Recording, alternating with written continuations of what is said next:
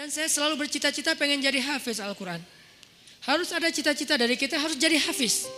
Sedikit bicara tentang bab hafal Quran buat kita yang nggak mondok nih. Kalau teman-teman pengen jadi hafiz, targetnya jangan setahun atau enam bulan hafal. Itu jadi putus asa nanti. Memang motivasinya ada orang yang tiga bulan hafiz, enam bulan hafiz, setahun hafiz. Tapi kan dia mondok. 24 jam ngafal Quran. Kita kan banyak kesibukan yang lain yang lebih realistis. Berapa? 6 tahun hafiz. Gimana cara 6 tahun hafiz? Sekarang rata-rata usia kita berapa? Sebutlah rata-rata 20 tahun ya. Ada yang 22, ada yang 19, rata-rata 20 tahun. Ustadz segitu juga? Ya kurang lebih lah. Rata-rata 20 tahun. Berarti 26 tahun itu cepat banget. Ya udah deh, jangan terlalu 6 tahun, 10 tahun. Kalau kita mau menghafal Quran 10 tahun hafiz, berarti sehari kita cuma perlu menghafal dua baris. Sehari dua baris. Dibagi lima waktu sholat. Dua baris itu alif lam mim dzalikal kitabul la raiba fi hudal lil muttaqin alladzina yu'minuna bil ghaib. Segitu. Enggak sampai satu ayat kan? Nah, cara ngafalnya subuh alif lam mim. Udah beres. Susahnya di mana coba? Subuh teman alif zuhur. Dzalikal kitabul la raiba Asar hudal lil muttaqin. Maghrib alladzina yu'minun. Isya bil ghaib. Selesai. Satu hari dua baris. Tapi butuh istiqomah. Butuh dawam, konsisten. Kalau sehari dua baris, maka 10 tahun, 10 tahun itu nggak lama loh. Saya tuh di Bandung udah 13 tahun, nggak kerasa. Seolah-olah baru kemarin saya datang dari Kairo ke Bandung, sekarang udah 13 tahun, nggak kerasa gitu aja. Tiba-tiba udah 13 tahun, berarti kalau saya ngafal sehari dua baris, sekarang udah tiga tahun yang lalu udah selesai tuh. Berarti semua kita bisa jadi hafiz sebetulnya kalau udah lancar tahsinnya. Sehingga kita meninggal berstatus hafiz. Bukan untuk pamer ke orang, bukan untuk taruh di Instagram bio, uh, bio hafiz Al-Quran. Uh, itu mah bebas lah, terserah niat ya. Saya kan nggak mau menjudge kan, ada orang yang menaruh gitu supaya jadi syiar, ada yang mungkin dia riak. Kalau dia riak dia rugi. Kan ngafal Quran nggak gampang. Masa mau dihabisin dengan hanya taruh di, di bio rugi banget tuh.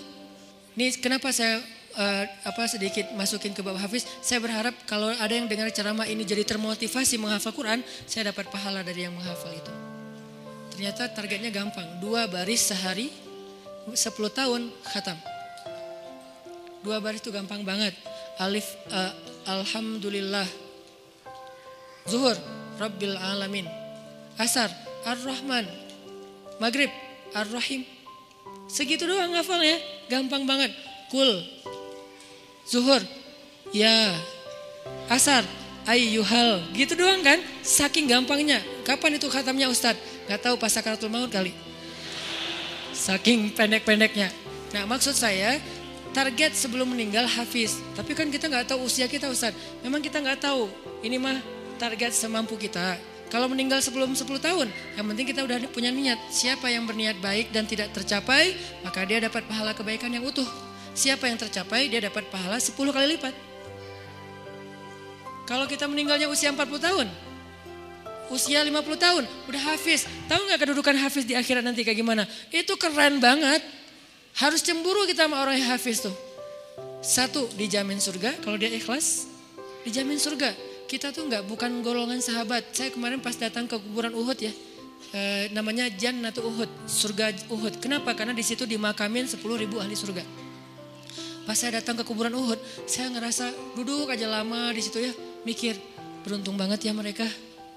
Semua dijamin surga. Duduk di kuburan Uhud itu nggak ada serem-seremnya. Benar-benar namanya surga surga Uhud. Karena kayak kita duduk di atas taman surga. Kan datang ke kuburan tuh ada agak-agak serem gimana gitu kan.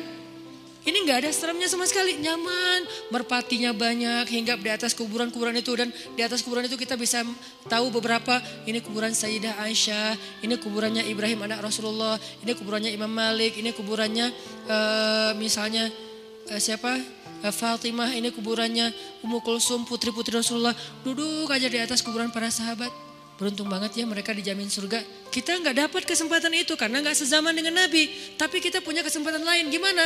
Hafiz Al-Quran. Dijamin surganya. Dengan syarat ikhlas dan tidak berbuat dosa besar. Dijamin surga. Satu. Kedua, bisa bawa sepuluh orang selain mantan. Ke surga. Kasihan juga ya mantan ini ya. Makanya jangan jadi mantan. 10 orang. Siapa aja? Ayah, ibu, udah pasti tuh. Makanya saya pengen menghafal Quran biar kalau saya khatam, saya ngerasa di dunia tuh belum sempat berbakti sama ibu dan ayah saya. Keburu meninggal pas tsunami. Nanti saya pengen berbaktinya di akhirat. Berbakti di akhirat, hafal Quran. Sehingga nanti di akhirat saya berharap berhunuzon ke Allah, bukan sok pede ya. Kayak Ustaz udah paling mas, pasti masuk surga aja. Bukan, husnuzon ke Allah. Nggak boleh sok pede. Kalau sok pede namanya mentazkiyah diri sendiri. La tuzaku anfusakum berhusnuzon ke Allah, Allah maha menepati janji, saya bisa bawa mak, yuk ikut abang, ke mana bang? Surga. Kan enak ya. Bapak yuk ikut abang ke mana? Surga. Kakak saya meninggal juga di tsunami, itu buat saya ibu kedua saya setelah ibu saya karena dia paling banyak berkorban. Kak Yus yuk ke surga. Ke mana? Ayo ke yuk ke abang ke mana bang? Surga. Itu tuh kayak goals apa akhirat goals lah. Kalau kita punya life goals ini adalah akhirat goals. Buat siapa lagi? Istri. Buat siapa lagi? Anak. Kalau semuanya hafiz, hafiz oh. Ya berarti lebih banyak lagi yang bisa kita bawa. Kita bawa. Itu tuh keren banget.